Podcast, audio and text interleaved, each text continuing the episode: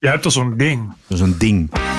This is the TPO podcast. Nederland van de leg over één tweet. Er is geen enkel misverstand over. eh, Dus het zou de heer Baudet sieren als hij nu gewoon erkent dat zijn tweet incorrect was. En dat hij daarmee onnodig groepen tegen elkaar heeft opgezet. Vrijdag vertrokken, maar we missen hem nu al. the point of no return. Once we've left, we are never coming back. And the rest, frankly, is detail. We're going, we will be gone.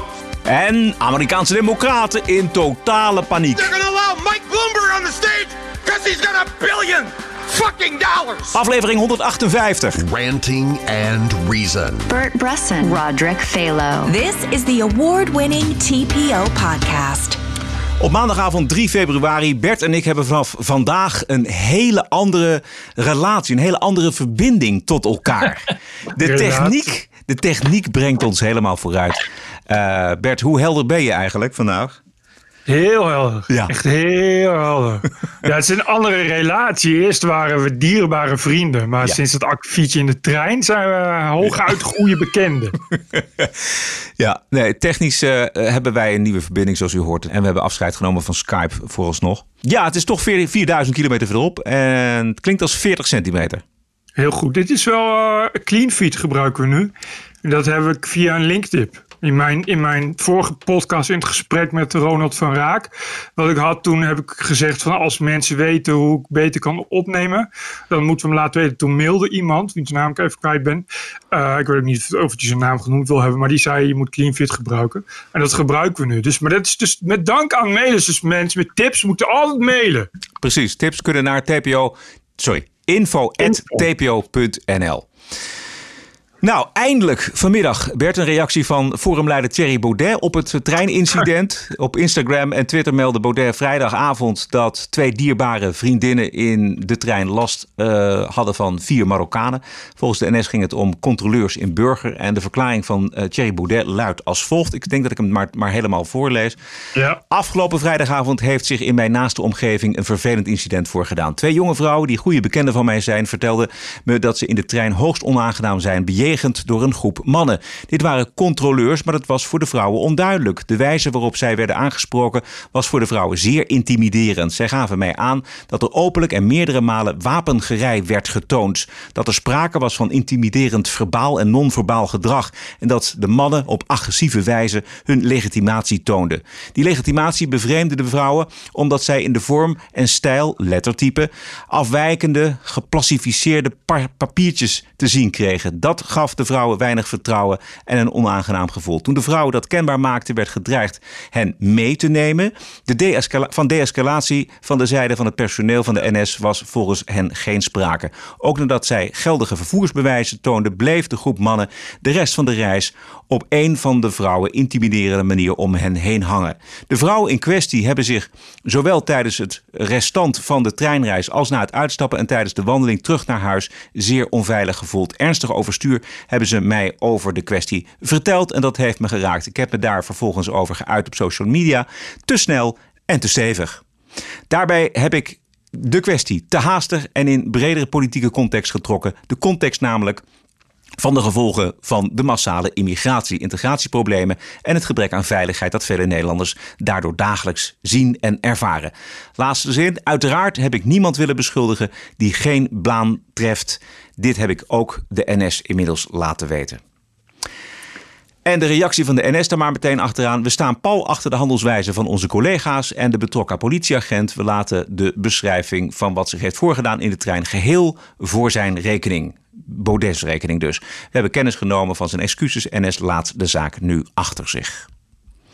Ja. Het duurde wel lang, moest ik zeggen. Eh, Heel lang. Hè? Beetje te lang eigenlijk, die reactie. Want het was het hele weekend weer bal. Vanaf vrijdagavond half elf, volgens mij. Was, Ja. dat, was dat nou nodig? Dat is eigenlijk de vraag. Nou ja, kijk, in eerste instantie was nodig. Nee, hij moet het gewoon allemaal niet twitteren. Ik zou sowieso dat het echt, een goed idee vinden als eh, binnen de FVD, maakt niet zo uit wie, desnoods met stokken en stenen iemand gewoon, gewoon Thierry bij zijn Twitter-account wegslaat. Om eh, verdere schade in de toekomst te voorkomen. Dan krijg je ook dit, niet dit soort dingen. Want eh, ongetwijfeld hebben die, die vrouwen, wat goede vriendinnen dan wel bekenden, eh, dit of iets aan hem vertelt. En dan twittert hij dat dus de wereld in. En dan is het dus al te laat. Dat, natuurlijk is zoiets altijd bij nader inzien blijkt zoiets natuurlijk genuanceerd te zijn. Nou ja, Eh, nou, als ik je daar even mag ontbreken. Stel dat deze twee vriendinnen dit hadden verteld op deze manier, zoals Baudet het nu aan ons vertelt. Dan kan ik me wel zijn schrikreactie voorstellen. Ik bedoel, als iemand als een goede Ja, vriend aan mij dit zoiets vertelt, dan denk ik ook, hij heeft gelijk. Maar de volgende stap, en dat bedoel je natuurlijk ook, de volgende stap is namelijk, ga ik er daarmee de wereld in? Want je weet, Ja. je hebt niet de NS gehoord. Je, je kan ook de NS bellen en vragen hoe zit dat? Nee, maar kijk, als jij en ik het doen, dan kan dat. Het is allemaal prima. Maar hij is dus politicus. En, en geen, geen, niet een politicus die niet eh, eh, altijd op de tocht staat, zou ik maar zeggen. Of altijd in de aandacht is. Je Ja. moet dan, eh, op het moment dat je je in de positie bevindt waar, waarin Baudet zich bevindt, moet je gewoon altijd bewust zijn van wat je communiceert. Ja. Zie, je ook, zie ook Trump, zou ik willen zeggen. Om, om maar het voorbeeld te noemen van iemand waarvan je ook denkt, had hij maar geen Twitter. Ja, en dat, is, dat vind ik dus het probleem. En dan, kijk, ik bedoel, ja, eh, je kan natuurlijk zeggen van, eh, van, eh, van hij vindt het onwaarheden, maar dat wist hij natuurlijk op dat moment niet. Ja. Hè? Als je vriendinnen, als je vriendinnen hebt, die komen naar je toe, die vertellen dat, ja, dan geloof je dat. Dat is dan, dat is natuurlijk niet zo raar. Nou, dan blijkt het niet zo te zijn, is het wel raar dat hij inderdaad dagen, of dagen, twee dagen, anderhalve dag, niemand wil reageren bij het FVD. En dan als je met een verklaring komt, toch maar weer met een hele lange rare verklaring komt, waarin eigenlijk alleen de laatste twee zinnen ertoe doen, waarin uit- duidelijk wordt dat helemaal sorry zeggen en excuses maken toch heel moeilijk is. Zeg dan gewoon van, ik had het niet moeten twitteren, sorry. Weet je, dat kan in één zin. Eh, maar goed, maar ik vind het punt echt is dat die jongen moet gewoon ophouden met social media. Stop er gewoon mee. Zet gewoon iemand van, eh, van communicatie. En die kennen wel mensen daar die eh, in, daar in de communicatie werken. Dat zijn hele capabele mensen. Eh, zorg dat die je Twitter beheren. Zorg dat die je Instagram beheren. En dat Instagram van hem, overigens doet hij vooral plaatjes met zijn vrouw. Dat zou ik hem ook afraden. Maar dat is natuurlijk persoonlijk. Dat, of je dat wel of niet doet. Maar stop. Zorg ervoor dat iemand gewoon ertussen zit. die, naar, die kijkt wat jij online zet. Ja. Om, om, om, om, om ervoor te zorgen dat je, dat, je, dat je die shit niet meer krijgt. Hij had ook, want het was vrijdagavond, het was de avond van de Brexit. Hij had ook iets heel moois over de Brexit kunnen tw- tweeten. Weet je wel? Dat, Ja. is, dat is iets wat hem aan het hart gaat. Wat, ja, waar die partij bijna voorop is gericht. Ehm, hè, dat anti-Europese, anti- anti-euro verhaal. Ja. Ja, vier dat zou ik zeggen. En ga als, Ja. als partijleider daar iets mee doen online. Maar niet Ja, maar dit. Dat dus. Je moet dan dus, ja, je, wat je dus naar buiten toe communiceert, moet je over je persoon heen tillen naar het grotere politieke gedeelte. Ja. Weet je, je moet dan dus op het moment dat je gaat denken, wat ga, ik, ik twitter iets, moet je denken, ja, wat, wat eh, eh, levert het meest op? Of wat is, is het meest van belang voor de FVD, voor, voor mijn kiezers? En dit zijn dan persoonlijke dingen die het inderdaad goed doen in de kroeg of zo, weet je? Of, of, of aan je mensen om je heen. Maar je praat natuurlijk tegen heel Nederland. Dus ook Ja. tegen alle Marokkanen en alle GroenLinks-stemmers, alle Linda Voortmannetjes en noem het allemaal op. Dus je kan, en, en je kan van tevoren weten wat voor shit daarover komt. En het is ook zo, want hij snijdt nogal een onderwerp aan. Hè? Niet alleen de, de moeilijkheden met Marokkaanse jongeren, hè, die vaak in de verkeerde lijstjes staan, om het met eh, eh, de Ja. woorden van Mark Rutte te zeggen. Maar Ja. het hele integratieverhaal, de hele immigratieverhaal, dat is natuurlijk een mega onderwerp. En om dat eventjes te bespreken of te agenderen met een verhaal van twee vriendinnen. Jan Boerenfluitje is Dat is dat. wat ik zeg. Ja. Dat is wat ik zeg. Dus een beetje dan sta in een kroeg. Nou, dan vertelt iemand je, nou, ik heb dus twee goede vriendinnen, dit en dit. Ja, dan hoor je dat. En het eerste wat je dan denkt is, oké, het zal wel. Want jij vertelt dat. Maar je denkt dan ook meteen, ja, het zal, wel, het zal wel iets anders zijn. Weet je, ik was er niet bij. Het is namelijk, ik heb twee goede vriendinnen. Weet je, ja, weet je, hoeveel goede vriendinnen heeft iemand, et cetera, et cetera.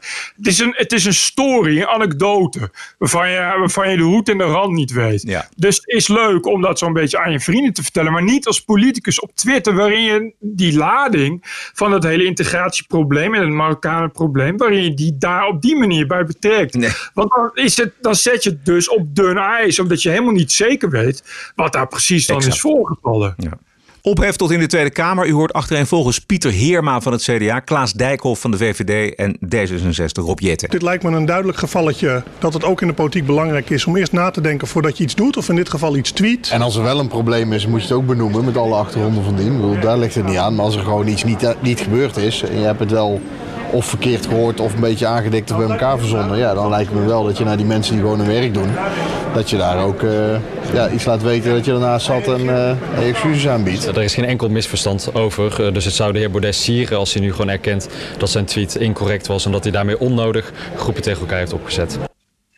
Ja. ik vind wel, wat, dat vind ik het belangrijkste. Dat vind ik wat, uh, wat de Dijkhoff inderdaad zegt. Het is helemaal niet zo dat als het wel waar is, dat je het dan niet moet kunnen benoemen. dat is natuurlijk ook zijn idee van Baudet. Dat stond ook in die tweet. Van ja, hoe lang willen we nog naïef zijn en politiek correct gelul, bla bla. Dat is ook zo, maar dan moet je zorgen dat het waar is. Reageer dan iets uh, nou, op, op iets op de vestiging. Reageer ah, dan, er gebeuren genoeg dingen waar je dan in je Twitter op kunt reageren met exact dezelfde tweet. Maar dan moet je dan elk geval ofwel heel 100% zeker weten dat het waar is.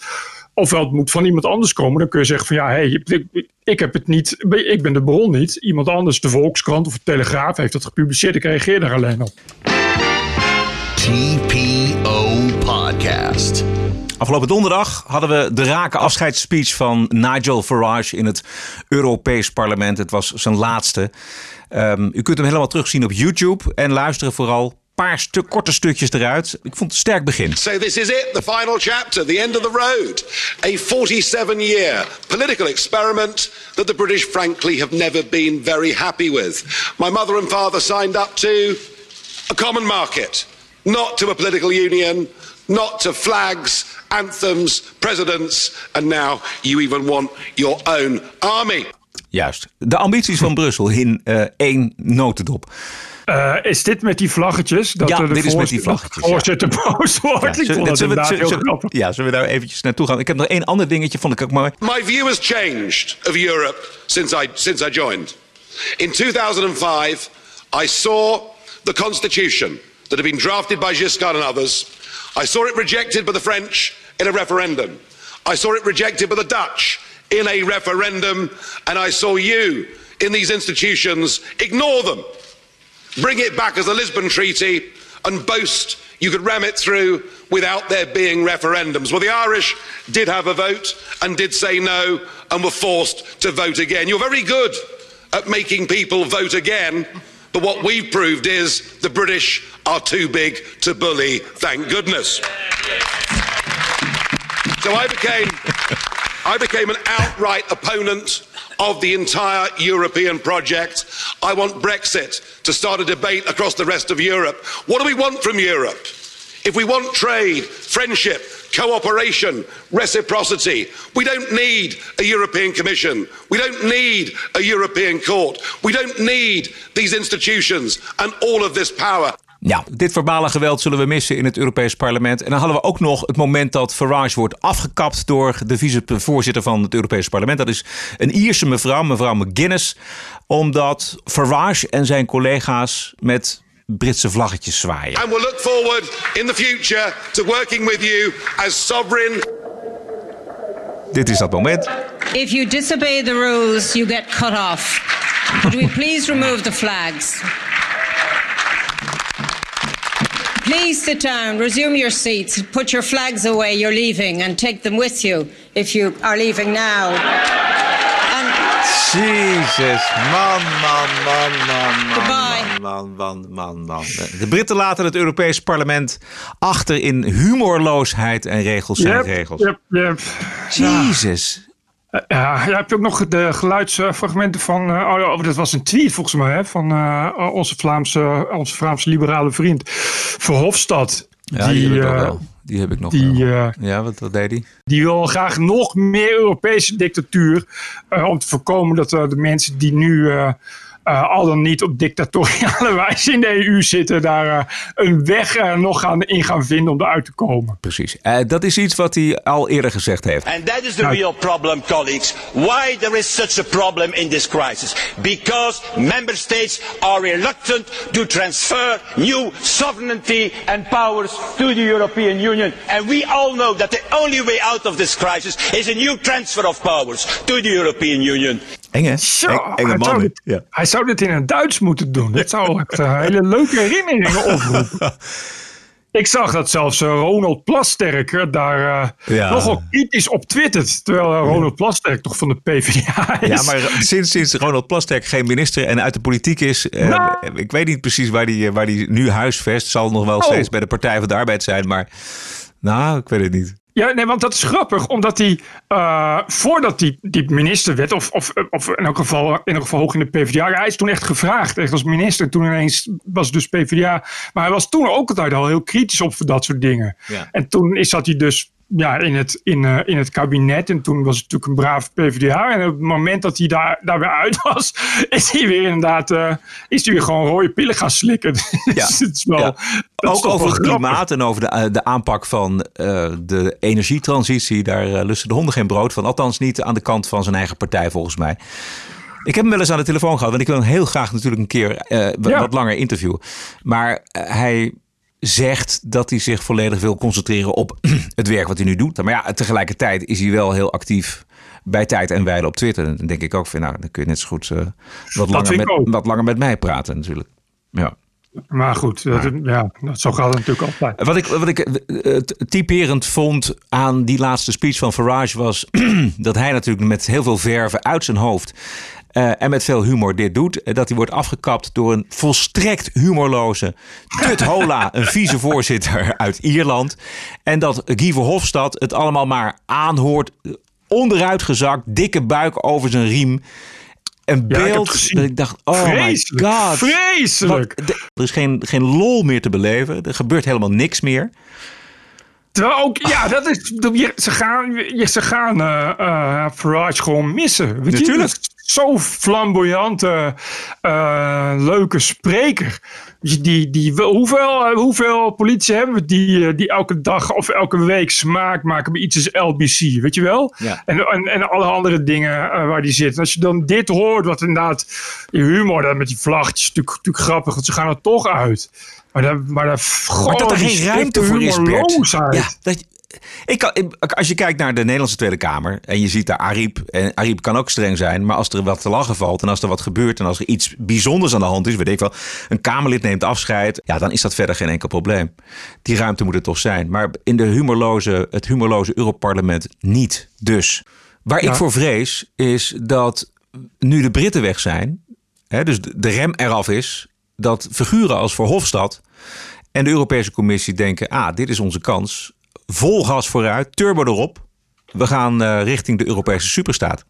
Ja, maar ja, ik, dit is natuurlijk ook eh, de reden waarom staten er dan uit willen. Ja. Ja, precies. Dus ja, de, uh, maar het lijkt, het besef, dat besef, dat is ook wel iets wat ik in een, in een column eerder uh, heb proberen aan te geven. Dat besef van waarom de Britten, oké, Britten zijn een beetje een apart, uh, aparte volkje binnen Europa. Maar, ja, maar de ja. reden waarom, waarom de Britten weg wilden, wat dood en doodzonde is, was natuurlijk die uh, al maar strakkere Unie, al die strakkere banden met, met Brussel. En, en dat besef, dat is er niet. Dat is er echt niet in Brussel. Dat gaat niet gebeuren. Nee, terwijl uh, uh, Macron zei van nou, het is toch tijd, dit is toch wel een signaal dat we moeten gaan kijken naar hoe, hoe het beter moet. Uh, Donald Tusk de Pol, die dan ook zei van ja, het is toch wel zorgwekkend. En je zou dan denken dat je dan gaat kijken naar jezelf. Wat, wat, ja. wat, kunnen we, wat moeten we anders doen? Waar ligt het aan? Ja, als je dus, maar goed, Verhofstadt is natuurlijk niet, niet het hele parlement en niet, niet alle eurolanden. Maar ja, ik denk dat, dat uh, een hoop, in elk geval binnen de Europese Commissie, niet echt onderdoen voor, voor, voor de visie en de ideologie die, die, die Verhofstadt aanhangt. Ja. Dus, dus ik zie niet echt in dat dat gaat verbeteren. Het lijkt wel een beetje op uh, democraten die, uh, ik zeg eens wat, Trump willen impeachen. of, of, de, of de New York Times, de CNN, die zeggen geleerd te hebben van, uh, van de verkiezingswinst van Trump en ja, zo. Niet. Weet je wel, dat ja. is niet, gewoon niet. Gewoon nee. alleen nog altijd maar weer, alleen maar dichtgetikt te worden. Alleen nog maar nog blinder, nog meer excuses en uitvluchten en het nog erger maken. En inderdaad dan teruggrijpen op, ja, dan maar een soort repressie je dan maar nog, nog harder schelden en zeiken. Mensen nog meer van je vervreemden. En je eigen belang daarmee schaden. Ja. Dat vind ik zo wonderlijk. Dat, dat, dat je dat voortdurend ziet, ziet gebeuren. Niet alleen in Amerika bij de Democraten, maar ook uh, bij de regerende elite in, in Europa. Ja, maar dat is toch, dat is gewoon echt, uiteindelijk komt het neer op ego. Dat is waar het op gaat. Zou je denken? Uh, ja, je kan, dat gaat om, om, jezelf, om jezelf toch belangrijk te vinden dan, dan het ideaal. Of, of, of het grote geheel, wat, wat het dan ook is waar je, ja. uh, uh, waar je mee bezig bent. Dus de onmogelijkheid om, om dat in te zien en te zeggen, ik moet mezelf nu kleiner maken en dan dat ideaal daarboven groter maken. Omdat ja. dat niet ja, past daar gewoon dan niet in. Ik hoop heel erg dat het allemaal meevalt. Dat het allemaal meevalt. Uh, en, en dat de, de, de voorspelde doembeelden, dat die gewoon achterwege blijven. Dat het gewoon goed blijft gaan met de handel. Ja. Uh, zodat iedereen kan zien uh, dat het dus wel meevalt. En dan kan het wel eens betekenen dat dan meer landen inderdaad ook zoiets gaan denken. Ja, maar je zegt het al. Dit is wat de Europese Unie wil voorkomen. Dus zij gaan de onderhandelingen die de komende elf maanden gaan plaatsvinden over dat vrijhandelsverdrag. Dat gaan ze zo hard voeren dat, uh, vrees ik, met als enig doel om die Britse economie te dwarsbomen en te laten zien ja. dat het heel onverstandig is om uit die Europese Unie te gaan. Ja, dat is wel, dat is wel een risico. Ander onderwerp. Twee uitbraakpogingen van levenslang gestrafte moordenaars. Eerst Omar L., een kopstuk van de Mokro-maffia uit de gevangenis in Zutphen. En afgelopen week meldde de Telegraaf een plan tot uitbraak van Dino Soerel uit de gevangenis van Heer Hugo Waard. Het gaat hier om zeer zware jongens. Volgens het Hof heeft Soerel samen met Willem Holleder, Thomas van der Bijl en Kees Houtman laten vermoorden. En Omar L. heeft ook diverse opdrachten tot liquidaties op zijn geweten. Dit is de insteek van het NOS-journaal. Dino Soerel was niet van plan om te ontsnappen uit de gevangenis in Heer Hugo Waard. Dat zegt zijn advocaat. Sorel werd ruim twee jaar geleden veroordeeld tot levenslang. Twee weken geleden deed Omar L., die ook levenslang heeft, een poging om te ontsnappen uit de gevangenis in Zutphen. Ja, nou, Ja. nou, nou zou ik als advocaat van Sorel ook zeggen dat hij niet van plan was om te ontvluchten. Maar om daar nou de opening van het journaal van te maken, of in ieder geval de lead van dit onderwerp, dat gaat me toch iets te ver volgens mij. Jij ook. Zo Ik snap dit ook niet. Het nieuws is toch dat, een, dat een, een bekende gevaarlijke crimineel een uitbraakpoging heeft gedaan. Ja, precies. En dan. Of niet dat, dat de advocaat. Met, Ja, ja. En ik vraag me dan af, hoe kan dat? Hoe, hoe kunnen die plannen komen? Hoe kan het bijna gelukt zijn? Hè? Want bij, bij Omar L. hing het volgens mij op een eh, accu die leeg was eh, van Precies. een slijptol die gebruikt moest worden. Dus dat was eigenlijk een soort van misrekening. Als dat niet was gebeurd, dan was Omar L. weliswaar... die had zomaar op vrije voeten kunnen zijn. Ja. Eh, dus in- mijn vraag was inderdaad, hoe goed beveiligd zijn onze gevangenissen? Nee, Hoe humaan is een levenslange gevangenisstraf? Serieus, hè? Ja. De discussie erover leidt weer op.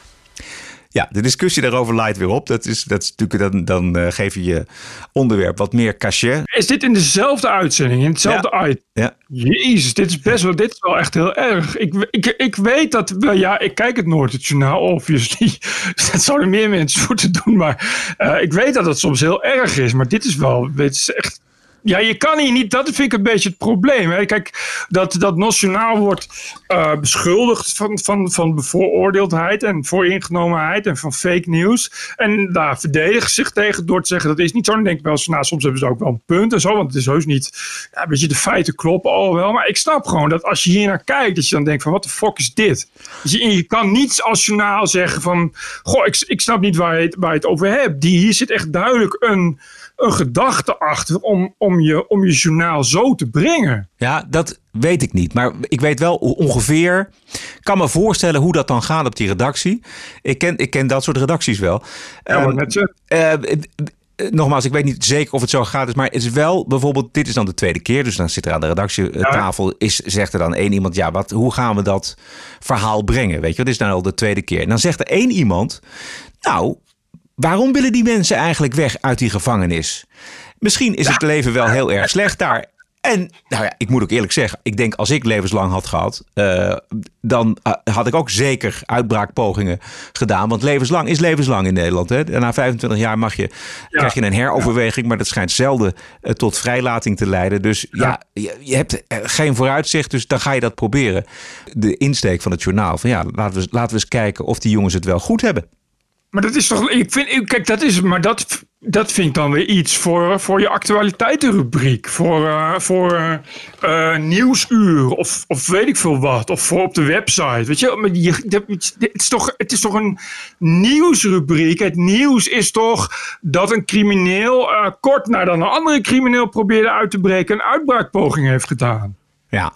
maar wat, wat, is jouw vraag? Wat zou jij willen weten? Wie dat is en hoe het kan uh, dat, dat je überhaupt een uitbraakpoging doet. Want hoe werkt dat? Kennelijk, want bij die andere, bij die andere was er volgens mij, ja, dat ging toch met grof geweld. En komen de anderen, dus kennelijk hebben ze dan contact en ja. uh, zijn er geen bewaarders. En waarom zitten deze lui sowieso niet op de EBI bijvoorbeeld? Ja. Dit zijn allemaal, allemaal Ah, dit, is, dit is een soort criminelen waarvan je heel erg zeker weet dat je die niet vrij op straat wil hebben. Nou, die zitten dan niet, uh, niet in de EBI, dat vind ik raar. Waarom, waarom zitten ze daar niet? Ja. Uh, bovendien, Dino Soerel zat volgens mij in de Hugo Waard. Uh, of in elk geval in een gevangenis die al bekend staat als de feestgevangenis. Is dat waar al meerdere malen uitgelekt is dat van alles misgaat. Ja, ja, ja. Da nou, kijk, dat is dus zoiets. Jij moet aan mij vragen of het zo is. Dat had je moeten weten omdat je naar het Nationaal kijkt. Ja. Maar je krijgt ja. dat dus niet te weten als je nee. naar het Nationaal kijkt. Ja. Nee, maar ja. dat is toch raar. En ik weet het omdat ik dat op geen stijl heb gelezen. Omdat het in de Telegraaf staat. Maar er zijn 2 miljoen mensen kijken naar het Nationaal. Die zouden tot, dat moeten weten. Dat Dino Sorel in een gevangenis zit. Waar al heel lang heel veel problemen en klachten over zijn. Onder andere doordat de drugs naar binnen worden gesmokkeld, uh, wapens, mobiele telefoons, relaties met bewaarders, uh, van alles. Dus dan is het ook niet zo heel raar als zo iemand dan een uitbraakpoging doet. Dat is nieuws. Dat zou je, dat zou je dan willen weten. Uh, ik, ik snap gewoon niet of de, de, vraag, de vraag of levenslang humaan is is volgens mij een vraag voor een, voor een filosofierubriek. Of voor, voor een diepgaand gesprek. Of buitenhof. Uh, die, die, buitenhof, oké goed. Hoe lang duurt het? Nou, 20 minuten, 22 minuten, inclusief weer. Dus uh, die hebt niet zoveel tijd. Ja, en dan wil je daar ja. het nieuws horen. Ja, ze willen eh, iets inzichtelijk maken op hun manier. En dat wat zij kiezen, namelijk is het leven wel menselijk uh, voor levenslang gestraften in die gevangenissen. Dit is wat ze ervan maken. Levenslang gestraften krijgen in de gevangenis dezelfde behandeling als de andere gevangenen. Het drijft sommigen tot wanhoop. Voor iedereen geldt dat die uitzichtloosheid, het feit dat je Advocaat. eigenlijk weggestopt wordt voor je rest van je leven, dat dat heel zwaar wordt gevonden. En dat dat uh, nou ja, bijna niet te dragen is. Dat is iets waar je echt een, uh, een tijdje aan moet werken om dat te kunnen plaatsen. En voor sommige mensen lukt dat helemaal nooit. Ja. Goh, ik, eigenlijk uh, reikt uh, het Nationaal de excuses voor het ontsnappen op een serveerblaadje aan. Beetje wel, ja. Beetje wel. Ik vind het wel interessant. Ik, ik, ik vond de advocaat die dit zegt, ik begrijp het, dat is de advocaat. Maar ik vind wel die uitzichtloosheid en de psychische toestand van die 40 levenslang gestraften, die vind ik wel interessant, moet ik zeggen. Maar niet voor in een journaal, geloof ik. Ja, het is een beetje, beetje, beetje vettig, een beetje, beetje, beetje. Een beetje wat? Weet je, was je wat ik bedoel. Beetje burg. Beetje, beetje, beetje, beetje jaren zeventig. Beetje jaren zeventig. Uh, uh, die mensen hebben ook een gevoelachtige achtige agenda die erin gestoken wordt. En dat snap ik gewoon niet. Waarom dat in een journaal moet. Ja. We gaan waarderen en doneren. TPO Podcast in verband daarmee zeker ook een belangrijke mededeling. Want vrijdag de 13e, vrijdag 13 maart is het zover. Over iets minder dan uh, anderhalve maand wordt er een TPO Pub Quiz gehouden in Amsterdam. U kunt zich daarvoor inschrijven. Aanmelden kan in teams van 2 tot 5 personen. En de inschrijfkosten zijn 25 euro per persoon. Het geld gaat direct naar de TPO-podcast. Uh, de pubquiz is uh, dus een uh, gezellig avondje met een drankje en een snackje en een hoofdprijs ten behoeve van de TPO-podcast. Aanmelden kan per team op het volgende e-mailadres. En dat is tpopubquiz en dan quiz met Q-U-I-Z at gmail.com. Ik weet eigenlijk niet wat een pubquiz is. Je weet niet wat een pubquiz is? Elke leuk gewoon. Een pubquiz, die speel je in een pub en dat is een quiz ja. met allemaal verschillende uh, categorieën vragen. Dus die gaat over economie of over televisie of over talkshow-oorlogen. Maar er zit ook een ronde TPO in. Ik heb de overleg met de jongens die dit organiseren.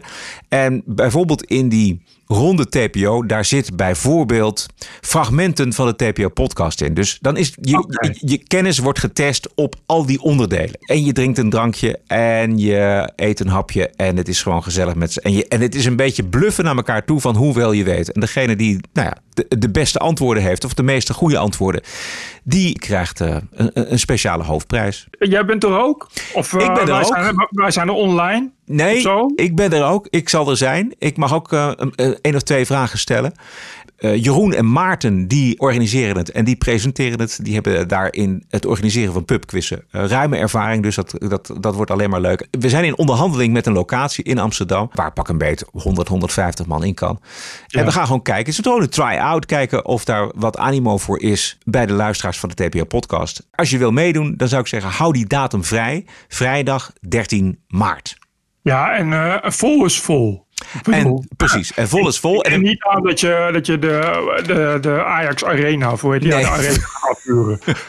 nee, dat gaan we niet doen. Het, het, het, het, duurt ongeveer van 8 tot 10. Inloop is vanaf 7 uur. En uh, de, uh, zodra de definitieve locatie bekend is, hoor je dat hier op de TPO-podcast.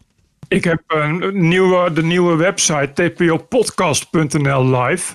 Er staat nu even één topic op, maar ik denk dat ik dan uh, daar uh, alles maar ook ga doen. Uh, ja. qua, qua pubquiz en informatie en dergelijke. Ja. Het is, we hebben een nieuwe website, we hebben een nieuw geluid, een nieuwe verbinding en we hebben een nieuwe, nieuwe plannen, namelijk die pubquiz. Wat is de TPO-podcast in ontwikkeling, Bert? Ja, maar we zijn altijd in ontwikkeling. Ja. Even voor alle duidelijkheid. De pubquiz wordt gehouden om donaties binnen te krijgen voor de TPO-podcast. Uh, daar zijn we heel eerlijk over. Maar ook om een gezellige avond te hebben en iets terug te doen voor onze uh, luisteraars en donateurs. Ik vind dat wel leuk sowieso. Ja. Ik vind het een goed idee. Ja. Uh, ja, het is jammer dat ik er niet bij ben. Maar ja, TCT kan ook wel eens een keer wat online worden geregeld, zal ik maar zeggen. Ja, precies. Zo, een verbinding met jou. Als de verbinding zo goed is. Dat, nou, daar, die is nu nog even niet zo heel goed. Of wel heel goed, maar hij valt dus wel eens weg. Maar ja. ook daar, uh, dat is nog steeds in ontwikkeling. Ja. Is, uh, ja, we zijn echt, echt, alleen maar in ontwikkeling, Roderick. Dat is wel, we zijn aan het pionieren. En dat kost en tijd en dat kost geld. Maar dat vinden wij helemaal niet erg. Maar we vinden het wel fijn als we daar, nou ja, als, als, als onze luisteraars ons een klein beetje steunen, ondersteunen daarin. met ideeën, zoals bijvoorbeeld de ja. verbinding die nu is gemaakt. maar ook een financiële ondersteuning wordt op hoge prijs gesteld. Maar dat is wel als je het, inderdaad technische tips en zo. Want uh, het is echt, er is heel veel, maar je moet het weten te vinden. En ik ben niet zo technisch. En jij wel, maar vooral analoog. Nee, qua, dat is niet waar. Qua, qua geluid.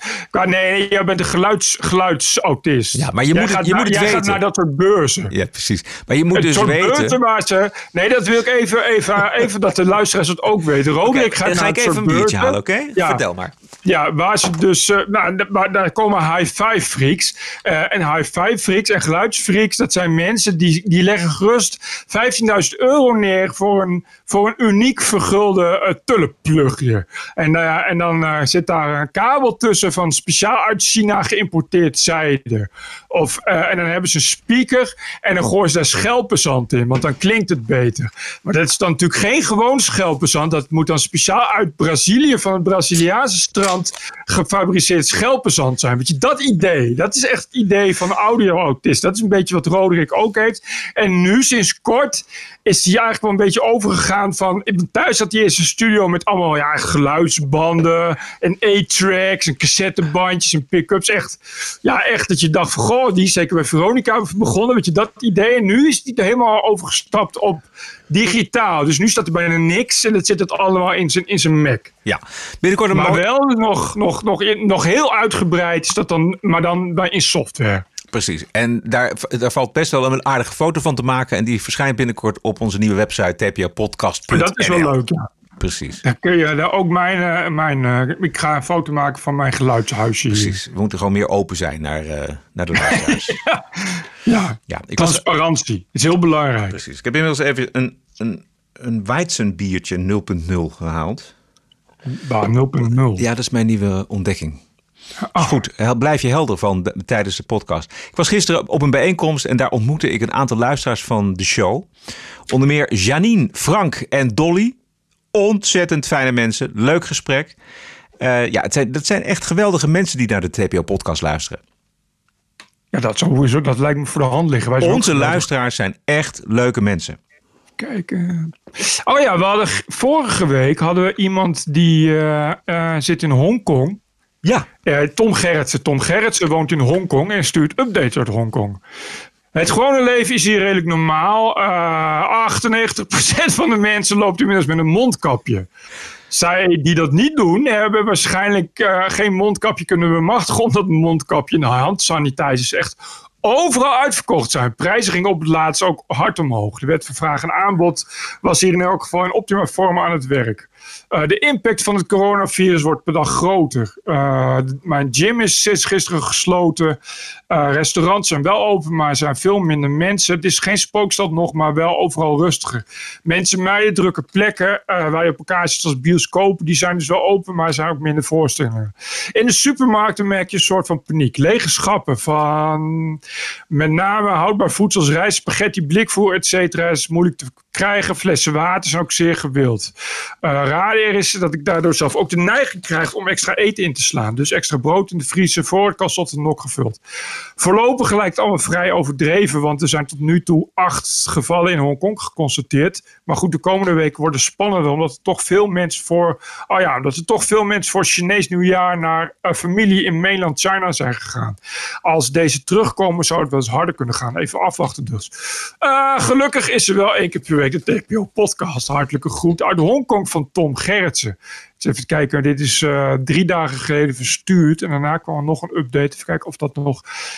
Uh, oh, ik hoor net dat alle scholen in Hongkong tot 2 maart gesloten blijven. Oh, dat is wel lang zeg. Dus een maand dus de hele, nog. Ja, dus de hele komende maand. Voor een collega hoorde ik wel dat de school van zijn kinderen online les gaat geven. Uit eerste hand hebben we het. En uh, dat is leuk om te horen. Uh, niet leuk om te horen wat, er, wat voor nieuws het is. Maar wel goed om te horen dat we op de hoogte worden gehouden door onze eigen luisteraars. Ter plaatse. Hartstikke goed. Dankjewel. Uh, ja, heel erg bedankt. Ik heb ook een mailtje van Miklas Vincent Veenvliet. Beste Bert en Roderick, dank voor jullie wekelijkse podcast. Ik kijk er iedere dinsdag weer rijkhalsend naar uit. Ik steun jullie via een lidmaatschap van TPO Plus en ben luisteraar van het eerste uur. Ga vooral zo door, uitroepteken. Bij jullie laatste podcast verschilden jullie van mening over het prominent herdenken van Auschwitz bij iedere gelegenheid. Ik ben voor het prominent herdenken van de gruwelen. Ik begrijp alleen niet goed waarom we alleen nooit meer zeggen tegen de gruwelijke van het radicale ongelijkheidsdenken van de nazi's en niet bij de gruwelijke van het radicale gelijkheidsdenken van de communisme. Daar heb je een heel goed punt. Wie de Gulag-archipel van Solzhenitsyn leest, weet dat die kampen zeker niet onderdelen qua gruwelijkheid. Toch zie je relatief weinig ophef over politieke partijen met communistische inslag, intellectuelen die het communisme omarmen of uh, de demonstraties met antifa-knokploegen. In Amerika lijkt een opmars gaande waar 30% van de Amerikaanse millennials positief tegenover communisme staat. Dit klopt. En het is niet alleen millennials, het wordt ook steeds erger trouwens. En dit even terzijde. Uh, de EU onthult doodleuk een beeld van Karl Marx. Dat was op zijn verjaardag inderdaad, uh, in Darmstad. En als de EU een beeld van Martin Heidegger had onthuld, had 30% van de millennials dan positief tegenover fascisme gestaan? Of was er dan een totaal andere reactie op geweest, het publieke debat? Ik denk dat een beeld van Martin Heidegger onthullen uh, vooral uh, bij mensen vragen over wie de fuck Martin Heidegger is. Maar dit zijn. Kunnen jullie misschien verklaren hoe dat komt en waarom zijn slachtoffers in strafkampen van het ene regime niet gelijk aan dat voor het andere groeten van Mick? Uh, nee, dat kan ik niet verklaren. Uh, weet je wel natuurlijk. Het is natuurlijk altijd een... een, een uh, ik spreek alleen even voor mezelf. Ik weet niet wat Roderick ervan vindt. Die heeft ervoor gestudeerd, dus er meer van. het is natuurlijk altijd, altijd een beetje geweest dat we hier bezet zijn door de nazi's en Duitsers. Dus de nazi's zijn natuurlijk per definitie uh, fout, wat, wat, wat klopt. Uh, maar we hebben natuurlijk, uh, de communisten hebben ons bevrijd. Dus er zit een heel andere, heel andere lading achter. En we zijn natuurlijk nooit zelf slachtoffer geweest van het communisme. en ja, en, en het is altijd zo geweest dat. Juist omdat we die nazi's hadden, het tegenovergestelde is dan het communisme of links. Hè? Want nazi's wordt dan altijd als rechts gezien, dus is fout. Dus het goede moet dan automatisch links zijn. En dat is natuurlijk een beetje waarom ja, het, het altijd moeilijk is geweest om uh, bij communisme, waarbij bij communisme altijd een oogje werd dichtgeknepen. Ja. Maar misschien dat Roderick daar ook, ook nog nee, een je, idee over heeft. Nee, maar je zit, je zit er goed bij. Want dat is inderdaad, de, het, het fascisme is onze vijand geweest. En niet het communisme communisten hebben meegeholpen uh, in het verzet en uh, bij de bevrijding, inderdaad, wat jij zegt. Dus ja, dat is, dat is maar daar maar, denken ze in Polen denken ze daar heel anders over. Ik wou net zeggen, dat is niet overal het geval. En, het onthullen van dat beeld van Karl Marx was beslist niet onomstreden. Al helemaal niet in een voormalig Oost-Duitse stad. Uh, en uh, ja, ik, ik, het, is wel, het is natuurlijk wel ook wel iets minder geworden. Ik bedoel, uh, in de tijd van, van de grote intellectuelen waar, waar hij het over had, is natuurlijk heel erg jaren 70. Ik bedoel, 60 en 70. De, denk aan van Sartre tot, tot Rozenmuller tot aan Mulis, die massaal eigenlijk alle communistische landen het nieuwe paradijs noemde. Ja. dat is natuurlijk al heel lang niet meer zo. En de meeste van die mensen die hebben ook wel nu gezegd van nee, daar heb ik me natuurlijk wel in vergist. maar ja, back dat is natuurlijk een beetje, een beetje mos naar de maat, een beetje laat. De, ze wisten soms ook wel dat die gruwelen daar plaats hadden. En het is iets wat blijft. Het is iets wat, wat, wat Jordan Peterson zich ook terecht heel regelmatig afvraagt. Van ja, waarom... En, en overigens niet alleen Jordan Peterson, maar andere, uh, andere uh, auteurs die meer in onze richting denken, zal ik maar zeggen, die zich dat regelmatig afvragen. En het is inderdaad, als je nu bijvoorbeeld in Oost-Duitsland zijn er weer regelmatig demonstraties en daar zie je eigenlijk alleen maar weer hamer- en sikkelsvlaggen. Uh, en je kunt je toch afvragen uh, of die mensen eigenlijk een idee hebben wat ze daar promoten voor regime. Nou ja, die, die uh, denken nog. Die, denken, die hebben dan echt, die vinden dus de huidige situatie zo vervelend en zo slecht en zo uitzichtloos dat ze automatisch gaan terugverlangen naar de tijd dat het overzichtelijk was. En dat was natuurlijk de tijd van de communisten. Het is een ja. beetje, beetje, wat de AFD voor, voor nationalisten is, is de, die linken voor oud-communisten met heimwee, zullen we maar zeggen laatste voorlezen? Ja. Van Christine Viarda. Beste Bert en Roderick. Sinds een tijdje luister ik met veel plezier naar jullie podcast. Ik kijk er zelfs naar uit. Ik kijk nauwelijks meer naar de staatsomroep, omdat ik misselijk word van die eenzijdige berichtgeving die in het linkse straatje past. Uitroepteken. Zelfs naar WNL op zondag, het zogenaamd vrolijke rechtse geluid, erg ik me ook vaak aan Rick Nieman. Maar jullie zijn een verademing. Ga zo door. Ik heb zojuist gedoneerd en je mag me noemen hoor. Geen probleem. Groet Christina Viarda. Ja, nou ja, we hebben het net al even over het nationaal gehad. Over uh, of dat eenzijdig is. Het is in elk geval uh, nogal gekleurd. Nou, het is, ik weet niet of het echt gekleurd is, maar de, ze maken van die rare sprongen, vind ik. Ik, ik kan ze als, als kijker niet echt begrijpen. Zo'n zo'n insteek bij nou ja, het verhaal over dus, langgestraften. Dus, ja, maar ik kan dus wel begrijpen dat, dat, dat Christine Viarda dat als, als kleuring ziet. Of dat ze denkt dat dat door de redactie wordt ingekleurd. Van een kaal nieuwsfeit wat in een kader staat waar je dus een kleurtje aan moet geven. Want dat is nou helemaal wat je doet in een journaal. Of, hè, het is toch, je moet het ook aantrekkelijk maken voor de kijker. Dat je dan dus dat soort dingen op die manier uh, erbij, uh, erbij betrekt. Ja, ja. Um, dit was het.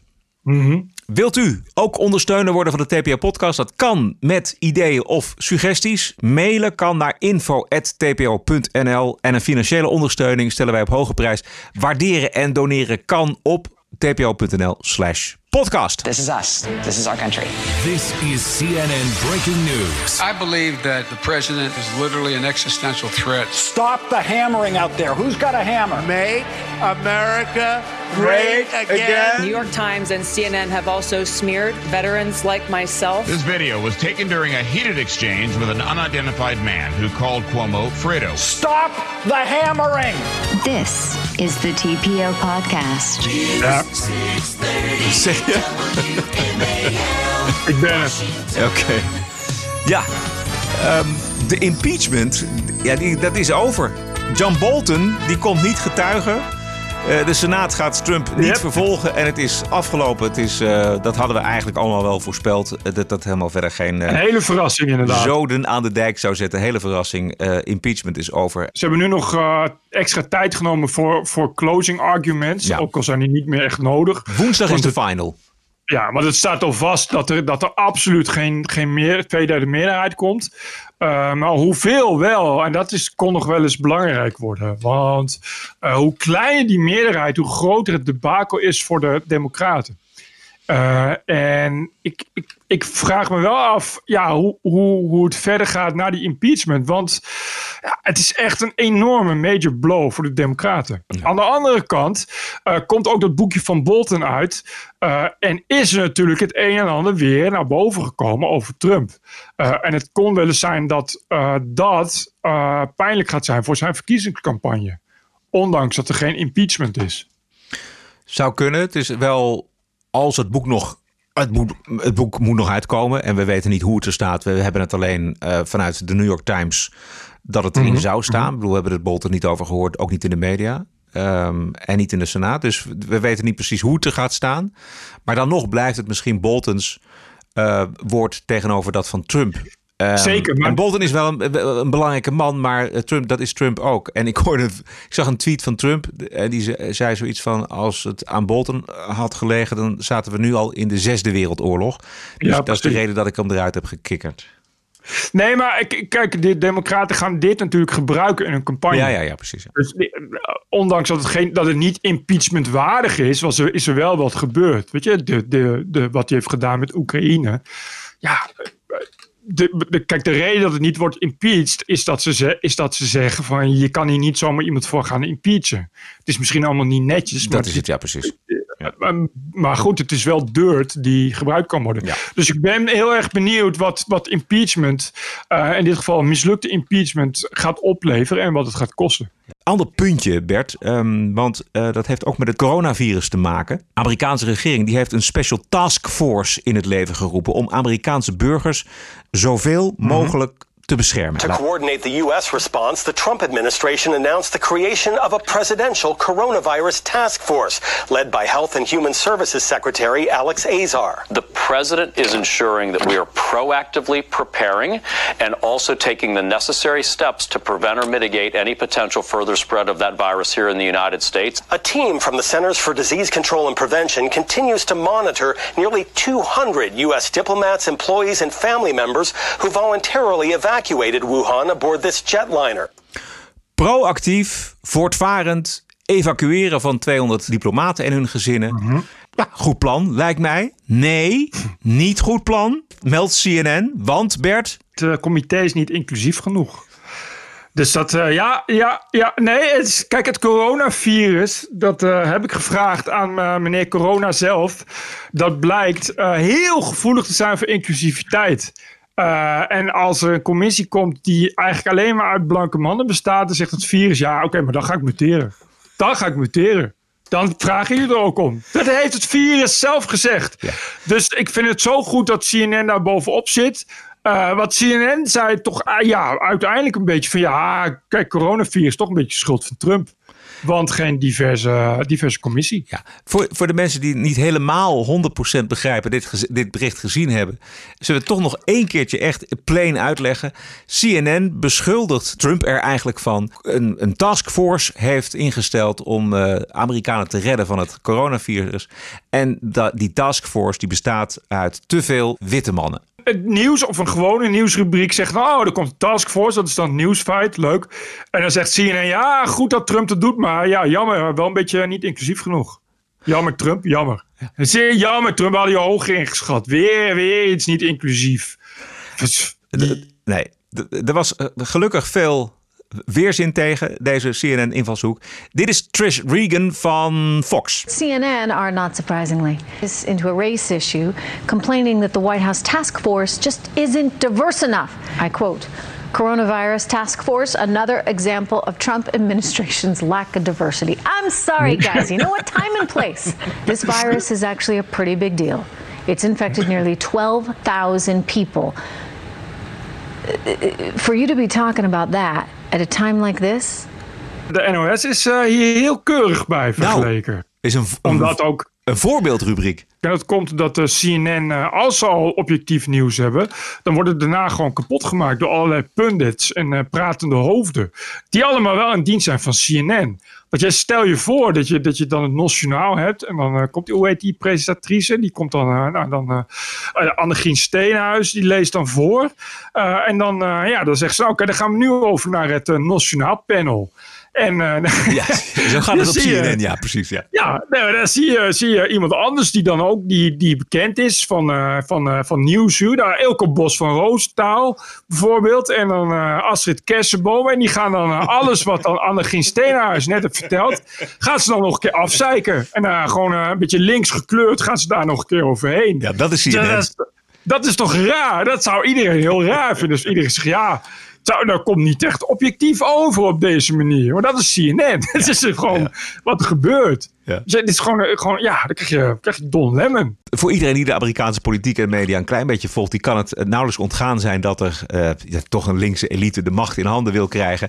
En dan hebben we het niet over Bernie Sanders. In 2016 hadden we de uitspraak van Hillary Clinton dat uh, de aanhang van Donald Trump voor een belangrijk deel bestond uit klagers, uit stakkers, uit deplorables. Half of Trump supporters into what I call the basket of deplorables. right? Right. The racist, sexist, homophobic, xenophobic, Islamophobic, you name it. Ja, dit heeft haar waarschijnlijk de verkiezingen gekost. Zo denigerend spreken over de aanhang van Donald Trump. En dit was overigens in een, een van de chicste restaurants van New York. Op een feestje van de LGBTH-gemeenschap. Waar mensen tot 250.000 dollar betaalden om haar deze woorden te horen spreken, Bert. Ja, het, het alleswetende elitekorps van CNN eh, die proeste het afgelopen week uit op televisie. U hoort uh, schrijver Rick Wilson een grap maken over Trump dat hij niet eens weet wat Oekraïne is en waar het precies ligt. En dat zijn aanhang zo geweldig dom is dat ze Trump een slimme vent vinden. En CNN-anker Dan Lemon komt niet meer bij van het lachen. And look, he also knows deep in his heart that Donald Trump couldn't find Ukraine on a map if you had the letter U and a picture of an actual physical crane next to it. He knows that this is, you know, an, an administration defined by ignorance of the world. And so that's partly him playing to their base and playing to their audience, uh, you know, the, the, the credulous boomer Rube demo that backs Donald Trump. Ja, dit, dit, is, dit was de grap, maar uh, Don Lemon gaat door met lachen. Um, that, that wants to think that, that, that Donald Trump's a smart one, and there, y'all, y'all, y'all elitists are dumb. you, you elitists with your geography and your maps and your spelling, even though my your math and your reading. yeah, you're reading. You know. Kijk, nu gaan ze dus los op de aanhang van Trump. En, en, en Don Lemon krijgt het niet meer goed. Your geography, knowing other countries, sipping your latte. All those lines on the map. Only them elitists know where Ukraine is. Oh but, you know, but, but in all honesty, but all, you, Blame you know what Rick. NPR should Why do? not? Sorry, hold on. You- wait, wait. can I tell give you me a what- you- second. Hold on, hold on, hold on. Sorry. no, it's good. Sorry. Rick, that was a good one. I needed that. Dit is CNN. Het is een beetje, ik, ik vind het best grappig, eerlijk gezegd. Dat is, de grap is niet eens slecht. Nee, de grap is niet slecht. Het is alleen geen Saturday Night Show. Dit is een serieuze nieuwszender. Nou, plus dat het zo is. Kijk, je kunt wel die grap maken over Trump. En daar kun je wel even over grinniken, natuurlijk prima. Maar als je vervolgens zijn aanhang gaat roepen: van ah, hij heeft, hij heeft zo'n domme aanhang. Al die, al die Trump-stemmen zijn zo dom. Die vinden hem zo geweldig, terwijl het een domme vent is. En niet kunnen ophouden met lachen. Dan maak je wel duidelijk aan welke kant je staat. Ja, maar dag in dag uit ook. Ja, ja, ja, precies. Ja. Maar dat is dat ook, ik, ik stel je voor, je komt in een hotel en je denkt, ah, eens even een betrouwbare nieuwszender kijken. Kijk wat er is gebeurd. Even een CNN zuipen. En dan kom je hierin terecht. Weet je, wat moet je dan denken? Ja. Wat, wat moet je dan denken? Dan denk je dus, weet je, het is cabaret. Oh, oh, wacht. Oh, fuck, dit is CNN. Maar goed, uiteindelijk ontstaat dan toch een Twitterstorm, weet je wel. Don Lemon bang, maar geen excuses. And one final note that I have for you, because this is personally important to me to address this, Yeah. okay? Okay. Anyone, ask anyone who knows me, they'll tell you. I don't believe in belittling people, belittling anyone for who they are, for what they believe, or where they're from. During an interview on Saturday night, one of my guests said something that made me laugh. And while in the moment, I found that joke humorous. And I didn't catch everything that was said. Hmm. Just to make this perfectly clear, I was laughing at the joke and not at any group of people. Lafaard. Goh. Ja, hij is, ja, ja, dit is er iemand die, die nog even zijn eigen ego verdedigt. Ik wou nog eventjes terug naar de Democraten. Want de Yes. eensgezindheid is zeer ver weg. Vandaag dus democratische voorverkiezingen in Iowa. De filmmaker Michael Moore die maakt zich druk over het gebrek aan diversiteit bij de topkandidaten. En niet zo'n beetje ook. And I gotta tell you what's so disgusting about this. I watched the debate in Iowa here two weeks ago, the all white debate, and the fact that the Democratic, the DNC, will not allow Cory Booker on that stage, will not allow Julian Castro on that stage, but they're gonna allow Mike Bloomberg on the stage because he's got a billion fucking dollars. Ja, woedend is hij. En zijn fans zijn het met hem eens. Ja. De mensen die hij noemt, die- die, dat, die maken volgens mij de minste kans. Dus dat is volgens mij de reden dat ze niet op het podium staan. Maar het boel, hij mag daarover klagen natuurlijk. Exact. Dat mag allemaal. Maar eh, het, het tekent wel de eensgezindheid eh, binnen de, het democratische kamp. En dat, dat kan nog een probleem worden. Want we zitten inderdaad in november dit jaar zijn er eh, presidentsverkiezingen. En ze moeten nog wel het een en ander op orde krijgen volgens mij. Ja, en Bernie Sanders gaat heel goed. En de grap is, wat ik dus las, is dat er, dat er aan gedacht wordt dat Team Trump eh, en, en eh, Republikeinen eh, dat zoveel mogelijk proberen te versterken, omdat Sanders dus uiteindelijk, daar is, die is ja, te gevaarlijk om op te stemmen. Ja, voor veel Dus- Amerikanen. Ja. Juist. Eh, en, dat, en, en dat hoor ik nu ook al, dat lees ik nu ook al terug, dat er wel echt wordt gevreesd dat Sanders uiteindelijk ook die democraten gaat slopen. Ja. Ja. En dan is er gewoon geen weg terug meer. Dus dan ligt de verkiezingen sowieso helemaal open voor Trump. Ja, als, als Sanders het wordt voor de Democraten, dan is de race eh, snel gelopen voor. voor Die is Trump. gewoon te radicaal. Ja. Dat, dat, daar kun- kunnen de democraten helemaal niks mee. Dat is echt wel een probleem. Nou zijn er, volgens mij, ja, ze staan nog niet goed in de, in de peiling, maar volgens mij Bloomberg toch eh, maakt die kans. Ik zie hem wel steeds vaker terug in de media in Amerika. Eh, volgens mij CNN begint ook een beetje die kant op te gaan van Bloomberg. En laten we ook nog niet eh, de mogelijkheid uitwissen dat Hillary Clinton op een gegeven moment toch uit de hoge hoed komt. Want eh, als het, stel dat het Bernie Sanders wordt, nou, Clinton die kan het bloed van Bernie Sanders wel eh, drinken, weet je. Want dat is echt vijand nummer één. Goed, eh, daar later meer over misschien nog. Eh, tot zover deze aflevering, nummer 158. Commentaar mag naar info.tpo.nl. Financiële ondersteuning wordt zeer gewaardeerd, zoals u weet. Wilt u doneren, ga naar tpo.nl slash podcast. Zet in de agenda als u mee wilt doen aan de TPO Pub Quiz. Vrijdag 13 maart te Amsterdam. Aanmelden per team kan op het e-mailadres tpopubquiz.gmail.com. En de aanmelding wordt geldig vanaf een betaling van 25 euro via de donatieknop op tpo.nl slash podcast. We zijn terug dinsdag 11 februari. Heb een mooie week en tot dinsdag. Tot dinsdag. Helder hè, Bert? TPO Podcast. Bert Bruson, Roderick Balo, Ranting and Reason.